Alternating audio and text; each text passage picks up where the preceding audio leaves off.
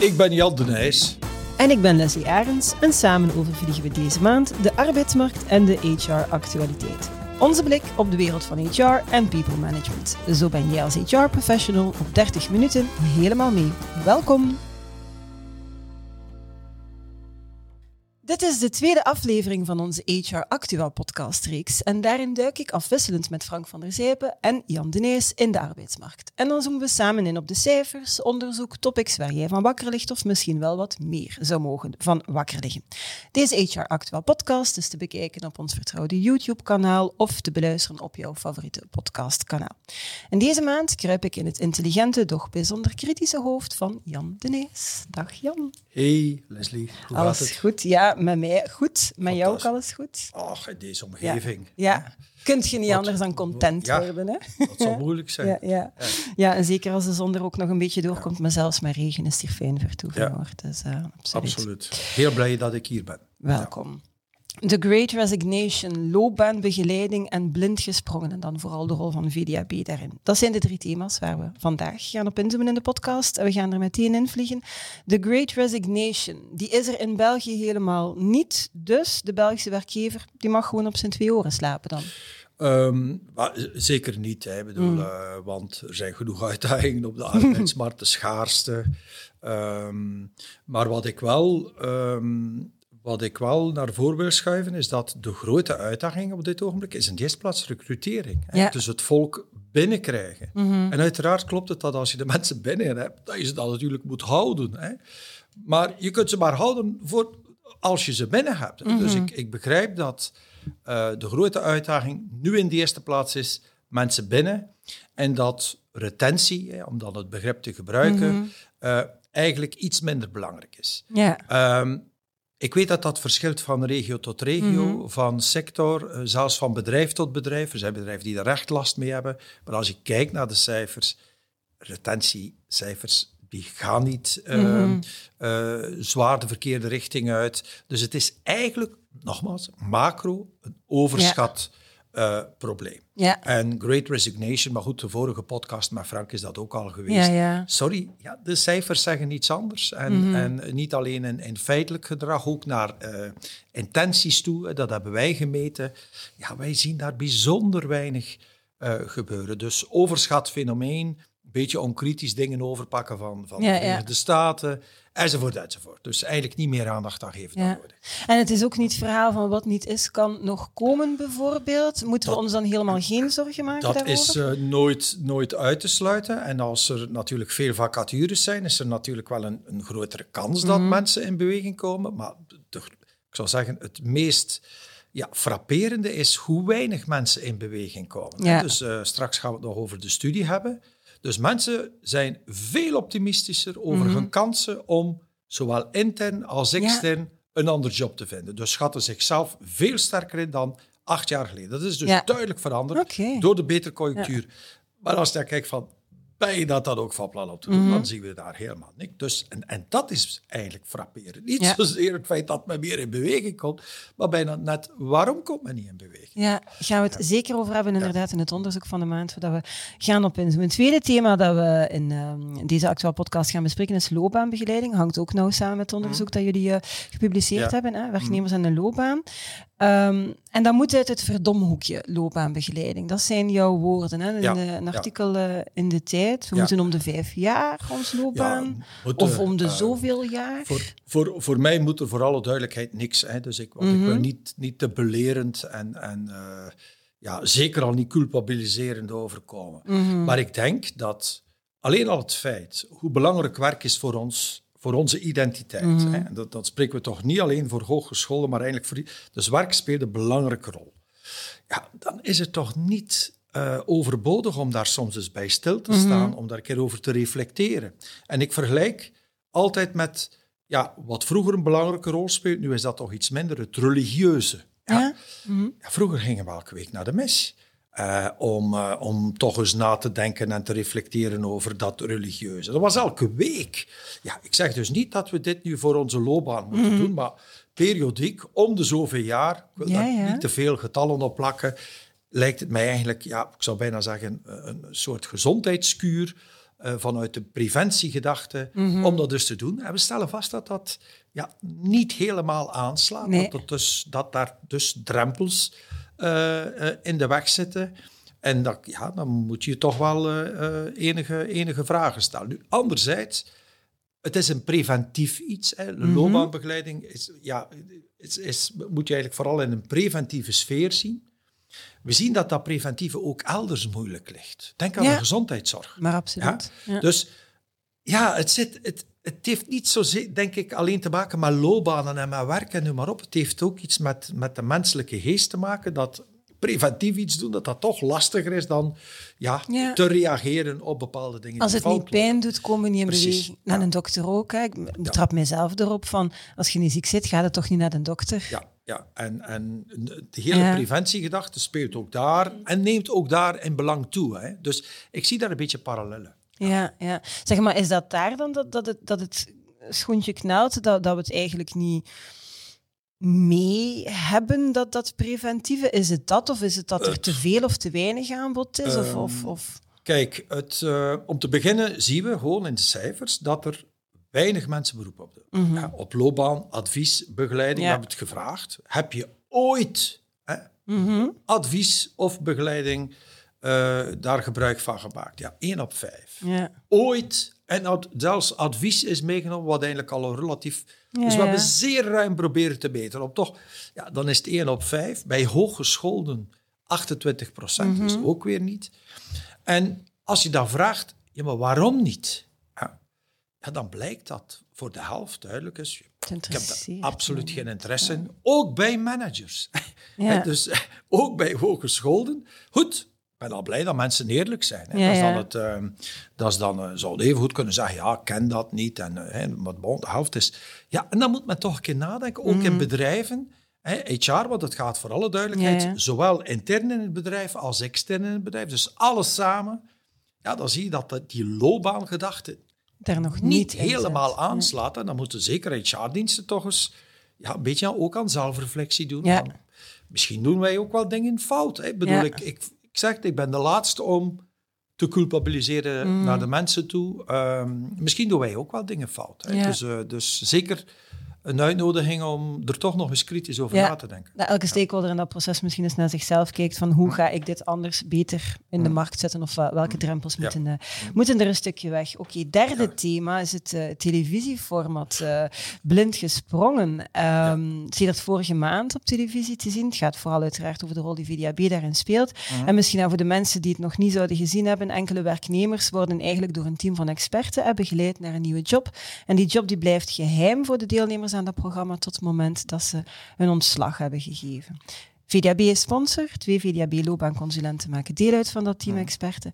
En je hebt daar een kritische reflectie over geschreven. hè? Veel mensen hebben die uh, gelezen. Het is op zijn zacht gezegd vreemd, zeg je, dat de VDAB zich zo profileert in dat programma. Ik, ik, ik, heb twee problemen met, de, met het programma. Los van het mhm. feit van dat, dat ik wel begrijp dat tv spannend moet zijn. Dus ik, mhm. ik, wil zeker niet streng in de leer zijn, maar toch het geeft helemaal geen goed, goed beeld van loopbaanbegeleiding. Dus ik geef maar één iets. Ja, dus ik zou zeggen, de kern van loopbaanbegeleiding is dat mensen hun eigen loopbaan in handen nemen. Ja. dat is toch bijna het axioma, daar start het toch. Ja. Dat is hier nu net niet het geval, want het zijn experten hè, die voor jou gaan zeggen wat jouw job is. Dus dat, in basisfilosofie klopt het al niet. hè. Mhm. Mensen moeten, moeten ook verplicht ontslag nemen. Ja, dat is ook weer niet heel realistisch. Als mensen veranderen van werk, zoeken ze eerst een ander job en ze geven dat al. Dus er klopt van alles al niet in, in de setting. Ja? Mhm. Dus dat is mijn eerste probleem.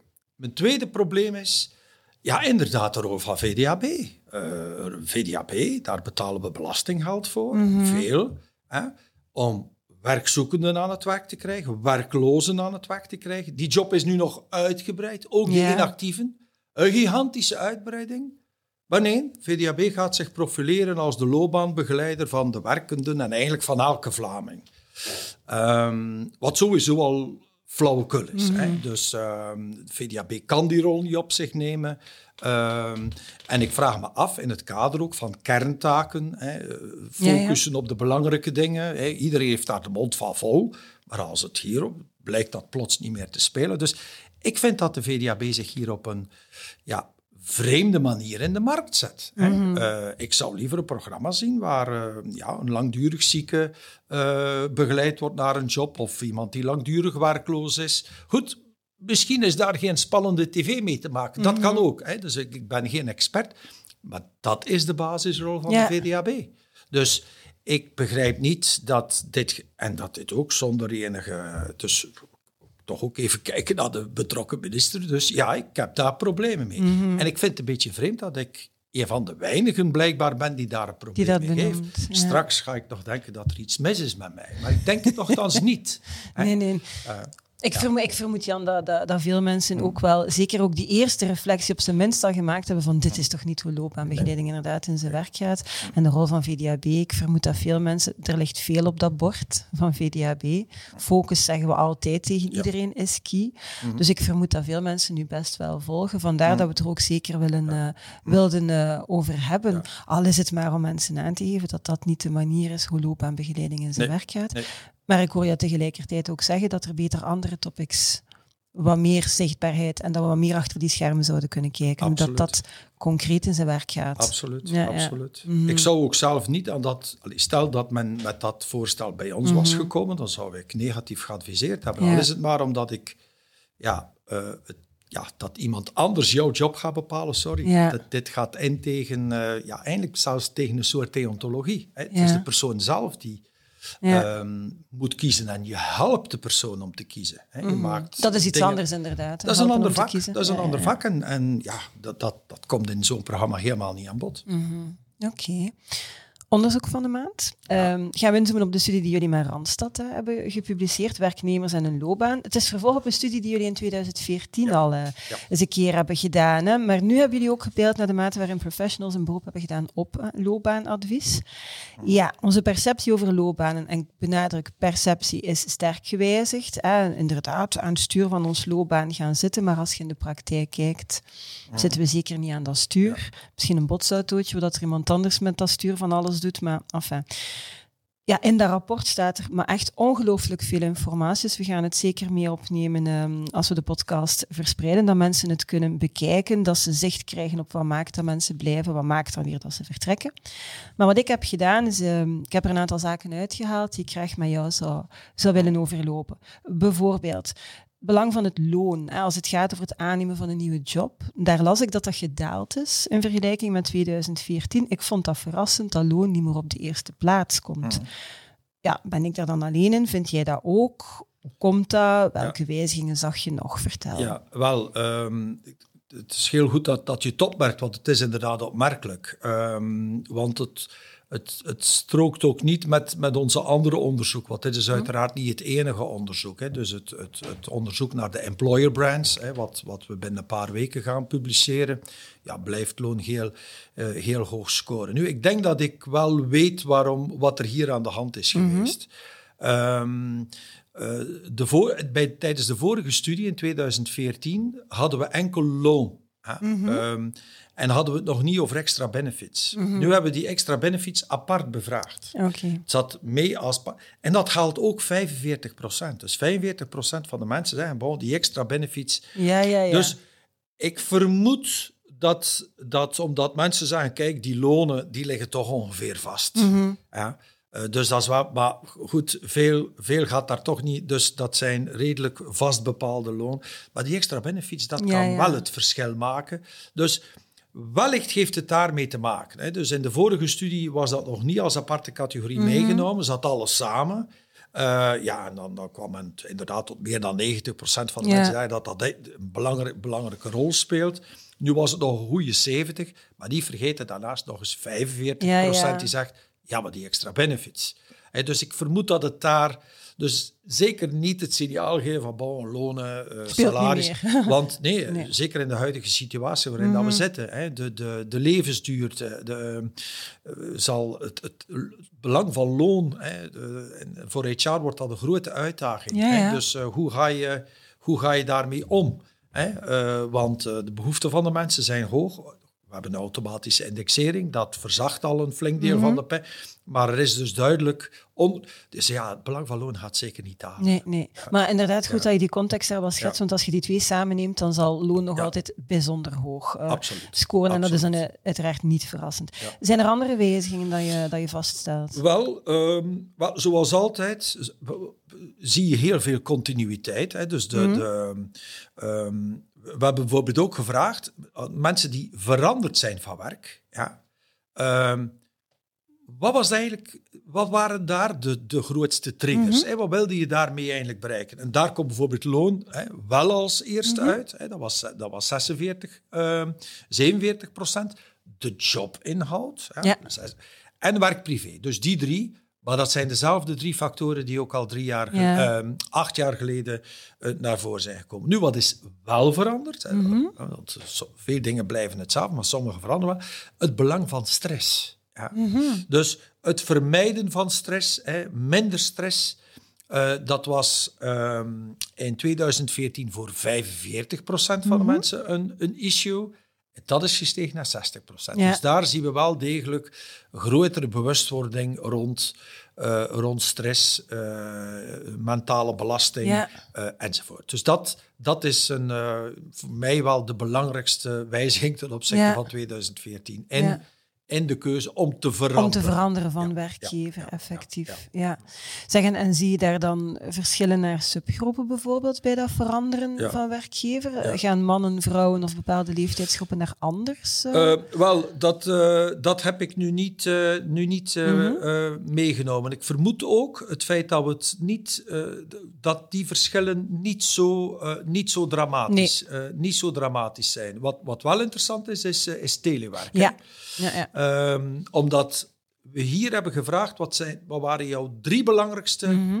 En daar scoort telewerk niet. Hè. Wat Dus, dat bevreemdend ehm, wel, lijkt. eh, omdat ehm, eh, als je het puur vraagt van hè, is, is, het belangrijk in, in je job, dan scoort het uiteraard wel. Maar, dan- maar als er een keuze moet worden gemaakt, hè, de- Ja, je mag er maar drie naar voren schuiven, ja, dan, dan geraakt het niet in die Ja. top drie.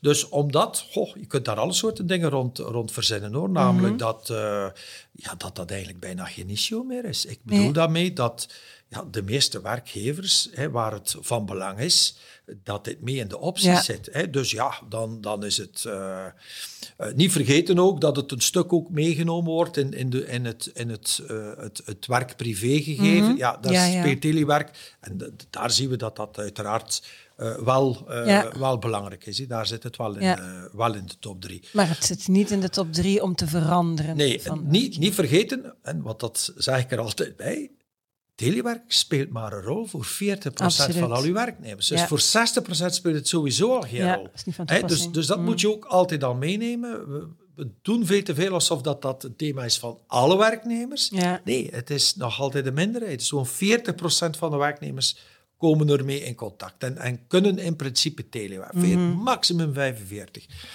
Ehm, dus ja, niet vergeten dat dat per definitie voor een heleboel niet van, niet van Die van toepassing toepassing is. Ja, ja. Ja. Oké. Hm. Een van de gangbare aannames dan van de, de nieuwe loopbaantheorie is dat werknemers zich vandaag de dag veel minder binden aan een bedrijf. Hè, dat, Ja. dat zich dan mogelijk zou kunnen uiten tot het feit dat ze vlugger gaan veranderen van werkgever. Ja, dat is dus niet eh, het geval vooralsnog. Hm. Maar, las ik in het onderzoek, dat betekent niet noodzakelijk, dus het is niet omdat ze niet veranderen, dat ze daarom emotioneel geconnecteerd of Ja. verbonden zijn met de werkgever. Vrij grote groep heb ik gezien, 37% heb ik erop geschreven, die geen intentie heeft om te vertrekken, maar die vertrek ook niet noodzakelijk uitsluit. Ja. Maar, en daar werd ik als werkgever toch wel wel gerust over, 20% identificeert zich niet met het bedrijf. Dus 1 op 5 pff, Ja. is er eigenlijk, vindt dat niet zo belangrijk, het bedrijf waar dat hij werkt, maar wil er wel zo lang mogelijk blijven. Ja. Ja, ik vind dat, ik word er niet vrolijk Ja, van hoor, als dat mijn personeelsbestand is. Maar het is goed om daar, daar eens bij stil te staan. Hè. Dus ehm, wat we sowieso al zien is, we maken een onderscheid tussen identificeren je met Mhm. het bedrijf, met de, met de successen en als het minder gaat. Ehm, voel je je verbonden met het Mhm. bedrijf? Voel je je thuis in het bedrijf? En hoe zit het met retentie? Hè? Dus ben je van plan? Ja. En die cijfers zijn, liggen inderdaad verschillend. Wat we daar al zien, is dat het niet zo is dat mensen nu meer ongebonden zijn en mhm. hè, wat vanuit de Great Resignation zou moeten tot uiting komen. Nee. Ja? Dus mhm. identificatie blijft stabiel, 58%, geen verschil. Betrokkenheid, ik voel mij betrokken, uh, is zelfs nog licht gestegen, van 48 mhm. naar 52 procent. Zich thuis voelen, 73 procent, ook nagenoeg geen wijziging ten opzichte van. En dan retentie, uh, hè, dus de, de intentie om, om te blijven, ligt op 73 procent. Mhm. Ook weer geen wijziging.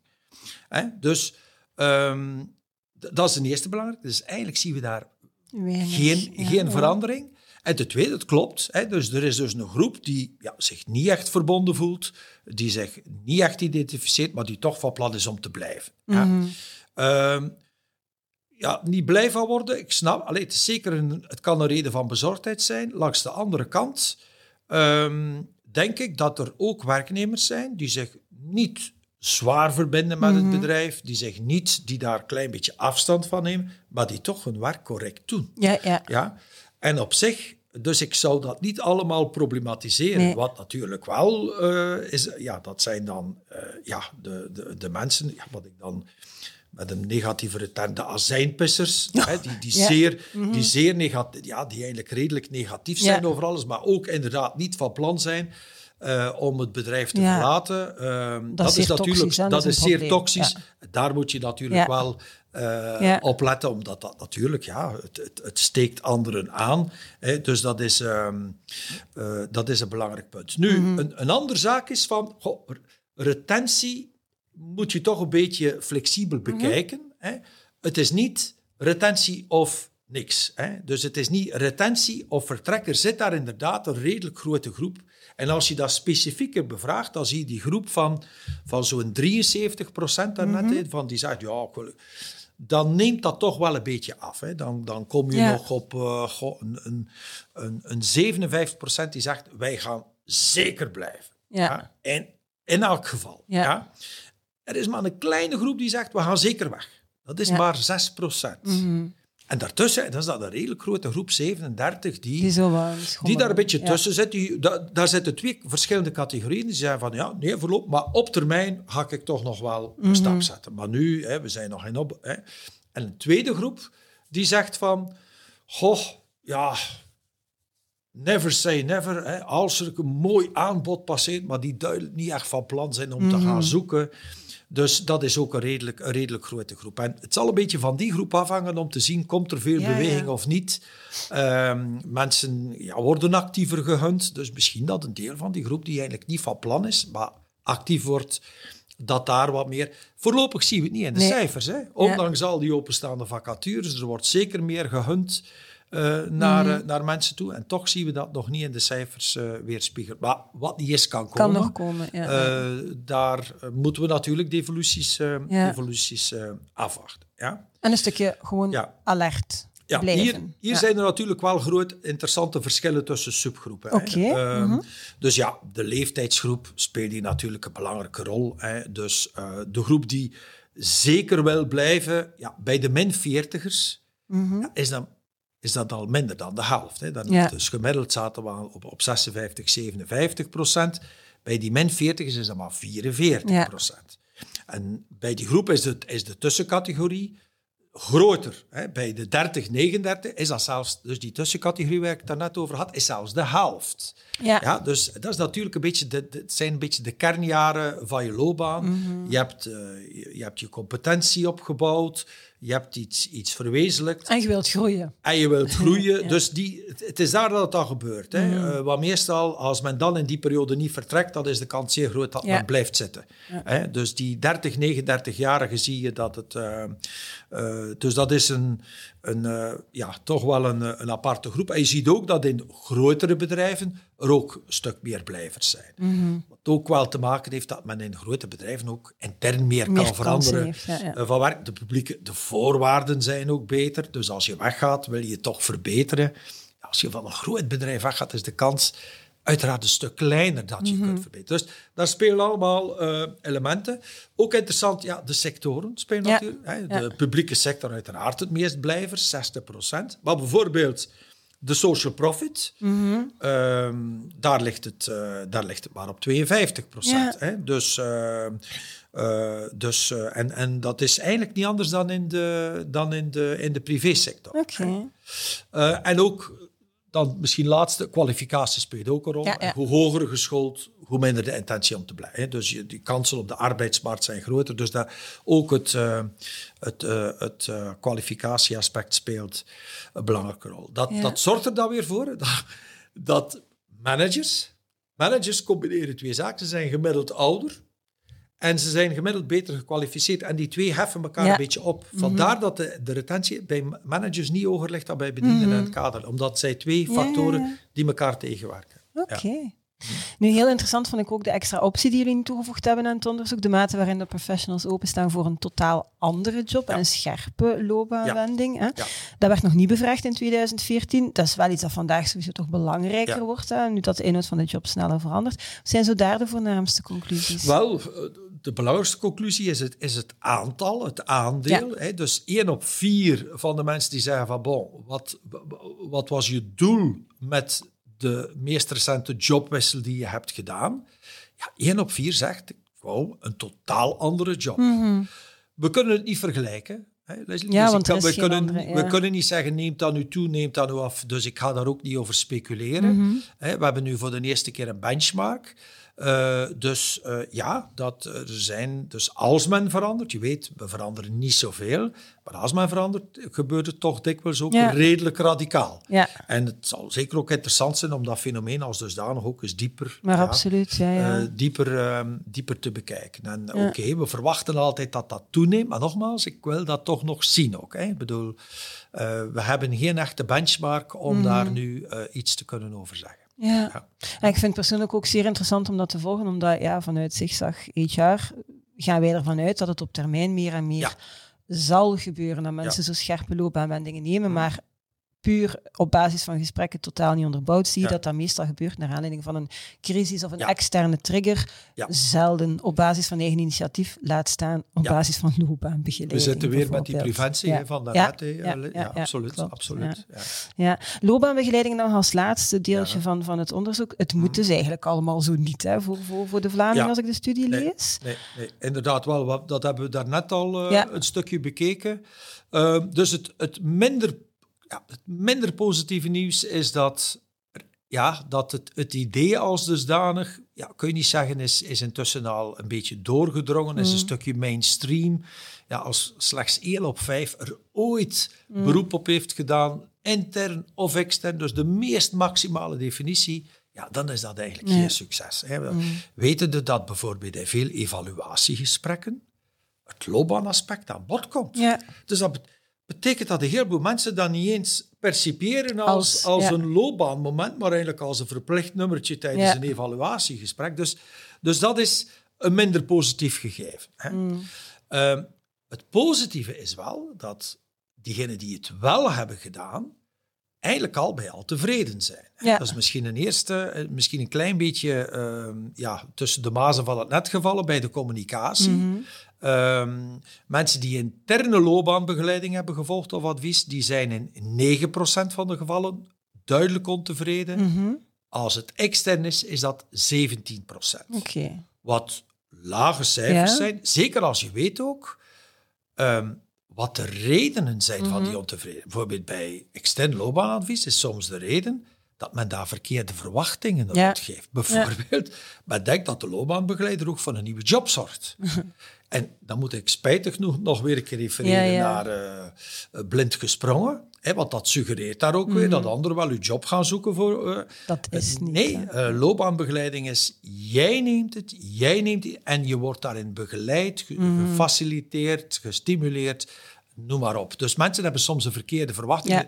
en zijn ontgoocheld in de loopbaan, omdat ze zeggen, ja, maar bon, ze zorgen niet eens voor een nieuwe job. Ze geven mij niets nieuws, ja. Ehm, en je ziet dat die effecten, dat is ook wel belangrijk, zeer uiteenlopend zijn. Mhm. Het is dus niet zo, eh, omdat er naar aanleiding van de loopbaanbegeleiding advies dat er niks verandert, dat men per definitie ontevreden is. Mhm. Men zegt duidelijk van, kijk, op basis van dat gesprek was voor mij duidelijk dat mijn huidige job eigenlijk, dat dat al bij al meevalt. Ja. Eh, Dat ik, eh, en dat geldt zowel bij extern als intern Ja, ja. eh, loopbaanadvies. nu, uiteraard is er ook wel verandering. Hè. Ehm, en dan is dat een beetje logisch. Bij intern advies leidt het iets meer tot interne verandering. Mhm. En bij uh, extern advies leidt het iets meer tot externe loopbaanverandering. Uh, dus ja, dat is redelijk logisch. Het is wel zo dat het externe advies in meer gevallen leidt, dus in vergelijking met mm intern advies, ook tot, tot interne verandering. Dus het is niet zo dat extern nogal gericht is op het veranderen van werk. Nee, ook, zorgt ook voor interne veranderingen in het bedrijf. dus uh, dus zeer, allez, zeker de moeite ook voor mensen in loopbaanbegeleiding om die cijfers een keer uh, ja, ja. Ik aandachtig... Vond het, uh, wat het, zijn, het is de eerste keer dat het bij mij weten op die mhm. manier wordt, wordt geëvalueerd. Ja, absoluut. Um, we zoomen ook altijd in, in de HR Actual podcast op een cijfer van de maand. Welk cijfer is dat voor jou geworden? Wel, ik had een cijfer, maar ik heb dat... Ehm, ik heb dat veranderd. Hè. Dus ik Jij hebt het cijfer veranderd of je hebt een ander cijfer?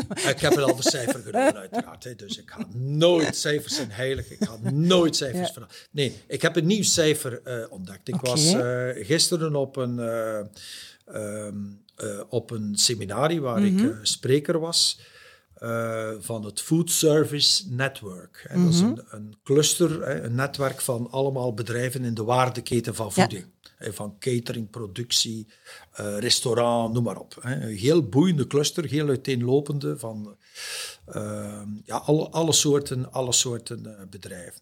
Daar kwam een getuigenis van IKEA. Mm -hmm. Heel interessant. IKEA is ook een belangrijke food. Hè. We, we, we percipiëren IKEA natuurlijk met ja, de kasten en, en, nou, die we niet aan elkaar krijgen. Maar um, dus ook een belangrijke... Dus mensen eten daar. Je kunt mhm. die, die, die beroemde Zweedse uh, balletjes... Uh, kopen. Ja, ja. dus, dus het food speelt daar ook een, ook een belangrijk rol. Nu, um, man kwam... Uh, dus het ging uiteraard over schaarste, hè, schaarste op de arbeidsmarkt. En hij had het over het werkstellen van politieke vluchtelingen. Mm um, en van de 80 politieke vluchtelingen die zij doorheen eh, de voorbije jaren dus aan het werk hebben gesteld, is 25% gebleven. Mm Vind ik een heel boeiend ja. cijfer. Het is de eerste keer dat we zoiets horen. Hè. Ik bedoel, uh, meestal in de krant is, ha, kijk, de, eerste, de vluchtelingen zijn aan het werk. Er is nooit een opvolging. Nee. er is nooit een opvolging van wat gebeurt, hoe zit het bij je. Ja? En dat is nu voor de eerste keer dat we dat cijfer uh, horen. Um, en je kunt daar al het, zou nu, het domste zou nu zijn om daar onmiddellijk grote uitspraken mm op te mhm. doen. Dus je moet natuurlijk dat cijfer duiden. Hè. Dus dat, dat is niet gebeurd op, op die lezing, maar het is uiteraard mijn bedoeling om daar meer van te weten. Omdat we dan pas weer zicht gaan krijgen op ja, die, die, ja, die nieuwe doelgroep, die nu met mhm. de komst van de, de Oekraïners ook weer een, een stevige push gaat krijgen. En daar kunnen we weer wat uit leren vanuit HR-perspectief. Er is schaarste, mhm. eh, een nieuwe groep. Bon, uh, er zijn intussen wel Hoe duurzaam en zetbaar zijn die Hoe duurzaam. En, en, vooral eigenlijk, wat is dan de reden waarom het 25% is? Wat is er met die 75%? Dat is eigenlijk een heel boeiend. Dus dat is mijn cijfer. Oké. Uh, dus zeer heet van de naald. Want ik had een ander cijfer, maar ik vond het te interessant om het hier even... Je hebt ons getriggerd bij deze. Ja.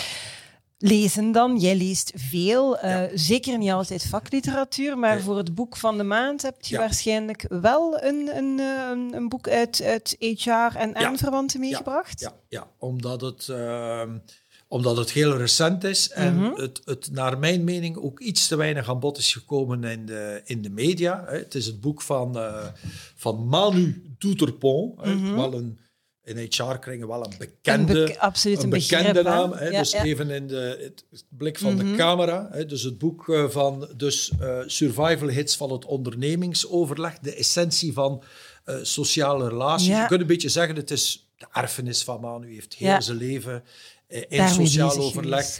eerst bij de werkgeversfederaties en dan uh, als onafhankelijk consultant. Dus mm hij kent het van binnen en van buiten, heeft het allemaal neergeschreven. Want wat is een van de belangrijkste, uh, ja, ik zou zeggen, lessen van uh -huh. Dat is dat bedrijven te weinig investeren in de skills van hun management om die sociale gesprekken te voeren. Ja. Dus dikwijls zijn de vakbonden beter voorbereid Ja, gun, gun mensen, want zij investeren erin. Het is hun core business. Mhm. ja, ze weten goed genoeg dat daar hun bestaan van afhangt.